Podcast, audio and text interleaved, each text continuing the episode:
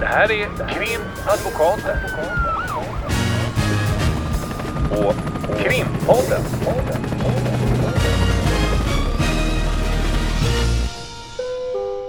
Parter och ombud kallas till sal 32. Hej Ulrika! Hej Lotta!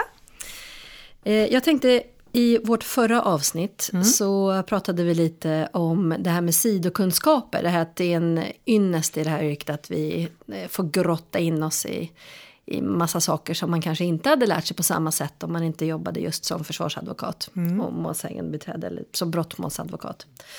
Ehm, och då tänkte jag kanske att vi skulle kunna fokusera lite grann på NFC idag. Vill du Jag vill sätta igång med det? jättegärna fokusera på NS. Jag kan säga att det, för mig så tänker jag att jag känner kanske igen SKL. Mm. För det hette det när jag började jobba, det hette det säkert när du började jobba också. Mm. Det gjorde det verkligen, eh, därför att eh, SKL det började heta NFC 2015. Men så här är det, att redan 1939, alltså precis när andra världskriget började, så startade man Statens kriminaltekniska anstalt. 39. Och SKA. sen- det vet jag faktiskt inte. Jag kan inte förkortningen, men det kan man väl förutsätta. Så 1939 så startade det alltså en kriminalteknisk anstalt. Och sen gick det över till att heta då, då SKL, Statens kriminaltekniska laboratorium. Och sen då så sent som 2015 så döptes det om till Nationellt forensiskt centrum. Och det var inte bara en omdöpning utan det var en, en ny organisation eh, där det här är en del av polisväsendet. Och eh, jag träffade någon eh, rättsmedicinare, tror jag det var, i något sammanhang. Och då sa han att NFC, vi sköter det som är utanpå kroppen. Och sen finns det Rättsmedicinalverket. De, RMV. RMV, de sköter det som är insidan på kroppen. Och det, det tyckte jag var en, en bra tumregel. Så då tänkte jag att du gärna skulle få utveckla lite kring eh, vad NFC håller på med. Ehm, NFC är ju som sagt då en avdelning inom Polismyndigheten ehm, som jobbar med ehm, olika saker vad gäller analyser av till exempel beslag. Säg att man gör ett större eh, narkotikabeslag eller tillslag och eh, Ehm, till exempel em, med emballage och, eller i någon väska eller i någon termos eller vad vet jag. Då skickas det de beslagen till NFC och så gör man då analyser dels på drogpartiet men också emballagen, eventuella förslutningsmetoder som man kan jämföra med andra. Allt faktiskt som man kan eh, undersöka och få någon sorts analys om. Man, man kan leta efter DNA-spår eller fingeravtryck och så Och vi, vi träffar ju på det här ganska, ganska väldigt ofta i, i vårt yrkesliv. I, I de flesta förundersökningar så finns det ju eh, nerskickat till NFC och har man en frihetsberövad klient, någon som sitter på häktet, så blir man alltid lite bekymrad när man hör att saker och ting ska skickas till NFC och det beror på att de har varit oerhört överbelastade och att eh, de har numera då tilldelas extra pengar i budgeten. Men det är väldigt, väldigt långa köer så att när någonting skickas till NFC för en analys så kan det ta väldigt lång tid, många veckor innan resultatet kommer därifrån. Trots att man har en prioplats i kön för att man är frihetsberövad. Men men dels, jag vill bara säga att dels så är det väldigt många frihetsberövade i och med att man har utvidgat också utrymmet för brottsrubriceringar där det blir frihetsberövat. Eh, sen så har jag läst någonstans också att det har att göra med att vi får ganska stora mål. Man har gjort ganska stora till exempel narkotikarelaterade tillslag. Vilket ju också då bidrar till att det blir större eh, utredningar och undersökningar på NFC kan jag tänka mig. Samtidigt så, så eh, hade jag ett mål för, för ganska många år sedan. Det kanske jag berättat om för dig och hela världen. Där det var en klient till mig som på en plats där någonting hade blivit, det har varit ett inbrott och någonting hade blivit stulet på den där platsen, en dator eller vad det var. Och då hade man eh, hittat en cigarettfimp och den hade då skickats till NFC för DNA-analys. Och då fick man träff på min klient på den här cigarettfimpen. Eh, eh, nu blev hon fri, var en hon, eh, det var ovanligt, eh, och hon blev frikänd. Och det kan man ju säga att rent bara DNA, det räcker inte för att döma någon, utan det krävs för det mesta någonting ytterligare. Men om man tänker att man vid en stöld av en dator som var ganska billig så skickas det ändå till eh, NFC. Och mm. då förstår man ju också att det blir köer. Därför mm. att oh, ja. ju mer man har tekniken att undersöka, ju fler brottsutredningar ebbar ut i att det ska ske en analys på NFC. Och när vi sitter i brott som kanske handlar om sexualbrott, eh, vapenbrott och som du sa paketering av droger, vad är det för typ av drog och allt sånt där. Allt ska ju en vända i stort sett förbi mm. NFC. Sen fick jag faktiskt i samband med ett förhör för en, en, tid sedan en ganska nogsam genomgång av att det också är olika typer av analyser under en sån här. Det skickas inte bara till en mm. enhet på NFC i ett mål utan man måste tänka att det är olika saker som ska utredas. Man ska kanske jämföra med andra prover. Vad har det varit för eh, lamineringsmaskin eller vad vet jag. Och, så, och då skickas det till en annan och där så det kan vara fråga om flera väntetider inom själva sektionen. Om man säger, ja, för, för om man tänker att det är ett eh, narkotikaparti som är, är, om vi säger att det är en massa hash en ett kilos eh, klump med hash och sen är den nerstoppad i, i plastpåsar och sen ovanpå, för det luktar ganska mycket, ovanpå plastpåsarna så har man tejpat på en massa tejp. Mm. Eh, då, då är det ju en massa olika grejer som ska undersökas där. Finns det fingeravtryck som det finns DNA ifrån? Hur ser den här plasten, tejpen ut? Vad kan den vara köpt? Är det en svensk tejp eller en utländsk tejp? Eh, hur är det med de här påsarna där inne? Eh, finns det DNA på dem? Och sen när man kommer allra längst in i paketet, vad är det för någonting? Är det en, en klump med hennafärg eller är det en klump med, med hash? Mm. Så det är klart att det blir en massa olika avdelningar och en massa olika utredningar. Men jag tänkte, jag har en liten sport. Mm. Inuti och utanpå. Mm.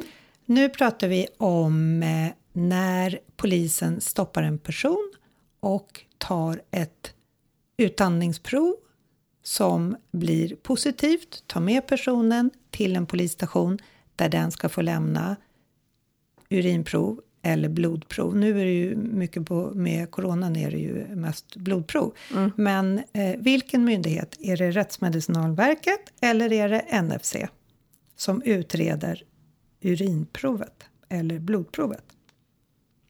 Allt som, kommer, som är i kroppen är RMV. Så själva analysen av det som är i kroppen är RMV, Rättsmedicinalverket.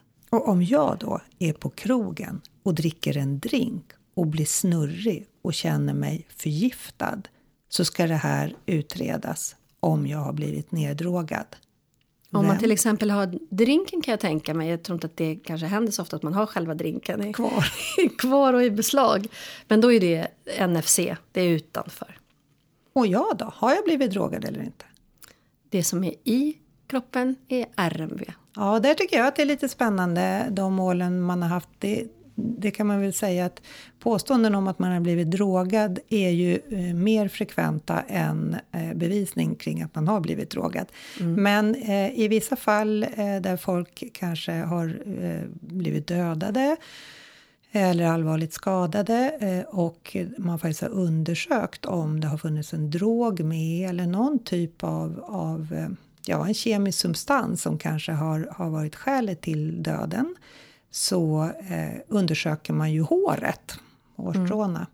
Det är intressant, det har jag haft flera mål där man har då analyserat håret. Mm. Därför att om man har fått i sig en drog eller tagit en drog under, under en tid så kanske det inte finns kvar i kroppen om det skedde för ett tag sedan. Och sen har håret vuxit ut så finns det på hårstrået, om hårstrået är kanske 20 cm långt, så kan man faktiskt, det är fantastiskt, ungefär Eh, eh, nu är jag lekman här, men ungefär så kan man hitta den tiden när den här drogen skulle ha förts in i kroppen eller att man själv har tagit drogen så kan man hitta i det här 20 cm långa hårstrået relaterat till den tidsintervallen mm. när det här skulle ha skett och hur håret har vuxit ut och på de centimetrarna så kan man faktiskt hitta spår av om man har blivit förgiftad eller inte. Vem är det som gör det? Eh, det är ju då utanför kroppen. Nej, det är faktiskt Det är inuti inuti kroppen. blir det ju såklart, ja. Det fanns ju en hårsäck där från början. Ja, så det, är, Ja, ga- det är ändå ganska bra grej att tänka att det är inuti och utanpå. Men, Men jag får bara säga, jag måste erkänna för att jag blev lite disträ där, för jag tänkte på de här salivtopsningarna, på tal om Mm. inuti och utanpå. Jag lyssnar alltid på vad du säger Ulrika, men just nu så, så försvann mina tankar lite grann. För jag tänkte de här salivtopsningarna som kan ske, ibland i förhören, när det är fråga om misstanke om brott där fängelse ingår i straffskalan. Så ibland så, även om man inte är frihetsberövad utan man sitter i ett, ett förhör så kan man bli topsad med väldigt stor tops, om man ska säga sådär som Mm. man annars kan använda och göra rent öronen eller någonting. Så är det en väldigt stor tops man får i väldigt stora munnen. öron, de är ju jättestora. Nej men där. alltså de andra små. Som Mhm. man, när man, men det här är lite större som man tar in i munnen och så ska en viss procedur då att det, man ska ta saliv från kinderna som man ska fånga upp på den här. Eh, och sen så tar man det eh, på ett prov och, och det här hanteras ju med gummihandskar från polisens sida och så vidare. Och de, det skickas ju sen då till ett DNA-register där man då eh, jämför med andra prover och vissa, eh, man kanske har tagit prover från en annan bro- brottsplats och så kan man samköra det i register och så vidare. Och det här hanteras också inom NFC. Och då får man väl säga att det är ju för att det har hamnat utanför kroppen på den här äh, topsen. Så är det NFC. Jag vet inte om det här är liksom skarpt läge vad som hinner förut. Jag håller med det där med håret. Det kan ju ha varit så att man hittar hår då ja, på någon borste, men hur ska man kunna knyta det? Ja, det är ju svårt. Men eh, jag tänkte också det är en på... bra tumregel i alla fall. Ja, precis. Så NFC är eh, utanför och Rättsmedicinalverket är innanför om man säger. Då gör de, ja, men de gör eh, blod och, och eh, urinanalyser av både droger och alkohol och så. Men vi får inte glömma, de har också en sektion för informationsteknik, det vill säga eh, datorer, ljud, elektronik, mobiltelefoner och så vidare. Och det är ju ganska många mål man har det också. Att eh, eh, polisen tar mobiltelefoner, datorer och så i beslag. Och sen går de igenom materialet. Och då kan det vara så att man vill få reda på ifrån teleoperatören var någonstans den här mobilen, när den har ringt det här samtalet, har varit under vilken mast.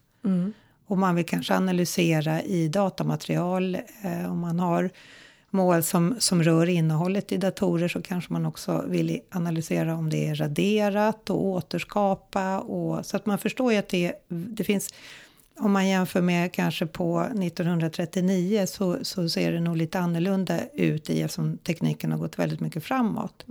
Men jag tänker på din, eh, ditt eh, så här intresse, eh, nämligen eh, rättsmedicinska obduktioner och så. Mm, det är ju på Rättsmedicinalverket. Det är det är inuti. även, Ja, det är inuti. Och det är även, ska jag säga,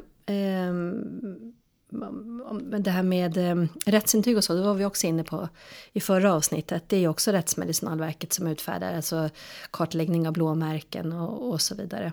Och då kan man väl säga att det är inuti, för blåmärken är ju en sorts eh, bild av vad som händer inuti kroppen. Mm. Så det är väl också. Det är som att vi är något sån här pedagogiskt barnprogram plötsligt. Ja, inuti ska och förlägga utanpå. det inuti och utanpå. men eh, när man har då, eh, alltså, när vi sitter och pratar om det här nu så låter det som att vi håller på med sånt här hela dagarna. Och det, det får jag nog lov att säga att det är i, i nästan alla förundersökningar. Ja. Så finns det antingen eh, tekniska resultat från inuti och eller utanpå och i vissa förundersökningar ifrån båda de här instanserna. Eh, jag tänkte på det när man undersöker DNA så eh, var ju som du var inne på lite tidigare här att det finns eh, ett register med DNA. Eh, i, I brott där det är, som du sa, fängelse så får den som är misstänkt lämna, ett, eller ska den som är misstänkt lämna om det behövs ett DNA-prov. Och då är det ju så att då ska man ju också känna till att även om man lämnar det här DNA-provet eh, så betyder inte det att det finns kvar i all oändlighet utan det ska gallras bort om man senare inte blir dömd eller att förundersökningen läggs ner. Men för de då som blir dömda i slutändan då fastnar det nämligen den eh, i ett register och då kan de testa på, om man till exempel hittar ett vapen så kan man ta eh, prover på det för att se om det finns DNA och så kan man då samköra det med DNA-registret för att se om någon person som tidigare då är dömd och finns i DNA-registret har lämnat DNA på det här vapnet. Eller på, på ammunitionen eller överhuvudtaget i sexualbrott är det ju också eh, DNA-analyser om det finns sperma till exempel. Mm. Och då eh, är det ju en gradskala som vi brukar få läsa i de flesta förundersökningar när man har gjort DNA. Så mm. jag tänkte att det vore fantastiskt förnämligt om du läste upp och redogjorde läste för. Läste upp vet jag inte om det är så bra eh, Pedagogiskt. Podd, podd. Man brukar säga att det är inte bra tv. Vad säger Nej. man? Det är inte så bra poddmaterial. Nej, men eh, behöver en stor tops efter men, det. Men eh, det är en, en så kallad utlåtande skala som är utarbetad för deras resultatvärdering kan man säga, alltså NFCs resultatvärdering. Och, vad det handlar om och då har man en skal, skalenheter mm. från plus 4 till minus 4. Och då säger man då att de här resultaten, om det är plus 4 grad, bara för att ta ett exempel, jag behöver inte läsa alla då, men om det är plus 4 så eh, säger man att resultaten talar extremt starkt för att ja, det, det en, en Så om jag eh, slår till dig eh, med en svettig handflata eh, rakt i, eh, på din kind och sen så eh, skrapar man bort min svett från din kind och sen finns jag i ett DNA-register och mm. så eh, undersöker man då det här om det finns något DNA på din kind. Mm. Och så kommer man fram till ett resultat. Mm. Vi säger plus fyra Ulrika Boys DNA. Vad innebär det för mig? Mm, då säger man så här. Då talar resultatet extremt starkt för att det är den hypotesen att det är du som har gjort det här. Och om man då säger förklaringen bara för att man ska se vad är extremt starkt. Det här är ju mm, matematiska mm. uträkningar. Men då säger man att det bedöms vara minst en miljon gånger mer sannolikt att få det här resultatet om huvudhypotesen är sann än om den alternativa hypotesen är, är sann. Det är ju alltid så när det är också mm. forskning att man vilken hypotes är den mest sannolika och det är den bedömningen man gör i den här stegen kan man säga. Och då är det plus fyra läste du nu så går det ner eh, till noll. Alltså plus tre. Noll, ja, noll är resultaten noll. talar varken för eller emot så det säger egentligen ingenting. Och sen finns det ju en skala med minus också. Så om mm. jag nu förnekar att jag har slagit till dig Mm. Och så eh, gör man ett analysresultat av eh, det, det, den, det sekret som det kallas som har kommit på din kind. Kanske jag som har slagit till mig själv och hävdar att det är du. Precis. Och så kommer det minus fyra Ulrika Borg. Vad står det där då? Ja, då står det att då talar det extremt starkt för att det inte är den här hypotesen då om att det är du som har slagit. Och då säger man att det bedöms vara minst en miljon gånger mer sannolikt att få det här resultatet om den alternativa hypotesen är sann än om huvudhypotesen är sann. Så, Så det är tvärtom okay. på andra graderingsstegen. Liksom. Och då, har jag, eh, då går det inte att visa, är ytterst, eh, väldigt, väldigt liten eh, risk då för min del som jag förnekar här. Och då hävdar jag att det är du som har slagit dig själv. Mm. Och så blir det plus tre på dig där. Mm, plus tre, då hamnar vi i resultatet talar starkt för att så då försvinner extremt. Mm, men det är ändå ganska starkt. Mm, det är starkt. Så har man någon som förnekar ett brott och det kommer plus tre resultat eller plus fyra. Då eh, har man en, en eh, informativ eh, diskussion eller vad man ska säga kring vad det här innebär. Och det betyder ju att vi inte, inte så sällan just talar om de här olika graderna. Mm. Och då eh, när man väl läser det finstilta så förstår man att plus fyra, det är väldigt starkt att det är ifrån den personen. Och minus fyra, då är det väldigt starkt att det inte är från den personen. Mm. Men sen pratar man ju om det här med tvillingar. Mm. Ja, det är väl om man eh, kollar DNA. Mm. Eh, halten eller vad man, halten säger man inte, nu tappar jag orden i det där. Men, eh, men om man säger att man har ett DNA-spår till exempel, så säger mm. man jag talar extremt starkt för att det är den här personen. Men det, det finns ju en sannolikhet i DNA likhet att det är någon som har samma genetisk kod. Det är om man är väldigt nära. Jag tror att det är också förälder och barn till exempel. Det brukar stå nära. så här om det, det, det talar för, och då står Med det ju oftast 99,9. personens namn. Mm. Ja, det talar för, det är plus fyra och det här talar för att det är den här personens DNA. Mm. Om det inte är så att det är en morbror eller en farbror eller något liknande. Ja, men precis. Ja, så att sånt här är ju väldigt intressant på tal om att grotta ner sig i, i em, saker. Som, eh, men som sagt, det här konfronterar vi ju ständigt. Ehm, så att det här, det här måste vi grotta in oss i. Det här menar jag att ska man vara en bra brottmålsadvokat, för det måste man vara på, oavsett vilken sida, om man säger sida som man sitter på, även som försvarare och målsägandebiträde. Så det här måste man ha koll på och tycka är intressant att vara insatt i. Och gärna kanske forska lite själv och, och kanske som vi har varit inne på också att i vissa fall när, när man talar om de här hypoteserna och så vidare att det kanske lönar sig att man pratar med en annan expert och ser vad den säger om de här resultaten och vad det finns för felmarginaler och så vidare. Ja, det är, det är ju så som du sa, det är ju vetenskap, men eh, det är ju också så att det, all- det, för i vetenskap så diskuterar man alternativa hypoteser och man tittar på om det finns någonting annat som kan tala för eller emot. Så att man kan ju inte säga att det är tusenprocentigt eh, liksom, hundra miljoner gånger jättesant när det kommer ett resultat. Men, eh, och då är det så att då eh, lär man sig och försöker ta till sig det här som, som kanske ligger lite långt bort ifrån vad man själv eh, trodde att man skulle behöva lära sig. Så eh, kan man ha användning av det i, i, i sitt yrkesliv. Det är på samma sätt som det vi har pratat om när det gäller blåmärken och, och när det gäller andra skador. Att ju mer man lär sig, ju mer förstår man att det inte heller är så att man ska låta sig bara föras med i ett påstående. Om åklagaren lägger fram ett, en, en journalanteckning så eh, tänker man det här är inget rättsintyg. Det det kanske man inte tänkte första gången man gick till domstol och var målsägande beträde. Eh, och sen ju mer man lär sig och när man blir försvarare så lär, lär man sig också ännu mer och man lär sig från olika perspektiv. Men precis som vi har varit inne på tidigare, det, det lönar sig att lära sig. Och det är ofta så som när det gäller de här skalindelningarna, de finns ju alltid i en förundersökning när man har undersökt DNA, så säger man ja det är plus tre på den här personen. Då ligger det alltid som bilagor. Det är ju lätt när man sitter och är stressad och ska läsa att man bara bläddrar över det där, för där tänker man det där är någon sidoinformation som inte är intressant för mig. Eller när man till exempel har en klient som de har testat positivt på olika eh, vad det kan vara både narkotika och eh, icke förskriven då eh, det som blir narkotika när man inte har det på, på recept.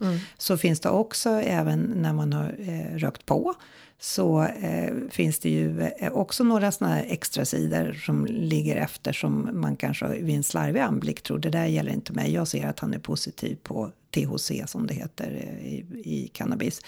Eh, men sen kanske det står 0,0000001 och då ska man ju läsa de här bilagorna eller det som ligger efter analysresultatet eftersom det kan ju vara så att man har en klient som faktiskt förnekar att den har rökt. Eh, Den kanske har suttit i en bil där andra har rökt. Ja, då finns den förklaringen i de där bilagorna. Så därför är det ju också jättenoggrant att man verkligen läser och tar till sig. Och det är ju inte så svårt därför att det är väldigt spännande. Det är lite så att när, när det är ett område som man inte riktigt själv verkar i så blir det nästan extra spännande för att då blir det som att all kunskap blir bonus.